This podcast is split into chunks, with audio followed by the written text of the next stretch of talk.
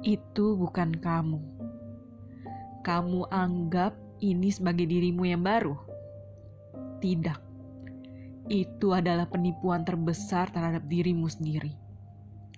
Kamu bukan seperti itu. Kamu itu tidak terbiasa dengan keadaan statis, keadaan diam, keadaan tanpa angin.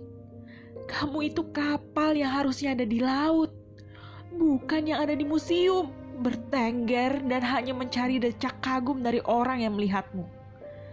Ya, kamu memang dicipta untuk hal yang besar, tapi bukan di museum. Bukan sekedar teronggok dan berlalu, kamu itu tidak bisa menjadi biasa-biasa saja atau sekedar menjadi ala kadarnya.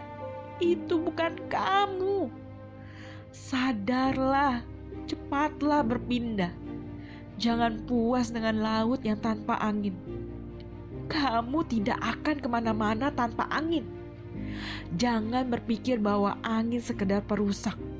Bukan. Setidaknya angin itulah yang membuatmu maju dan bergerak. Dia yang memaksamu. Hai angin, berhembuslah. Hai kamu, biarkan layarmu berkembang Biarkan angin meniupmu dan melintasi samudra raya.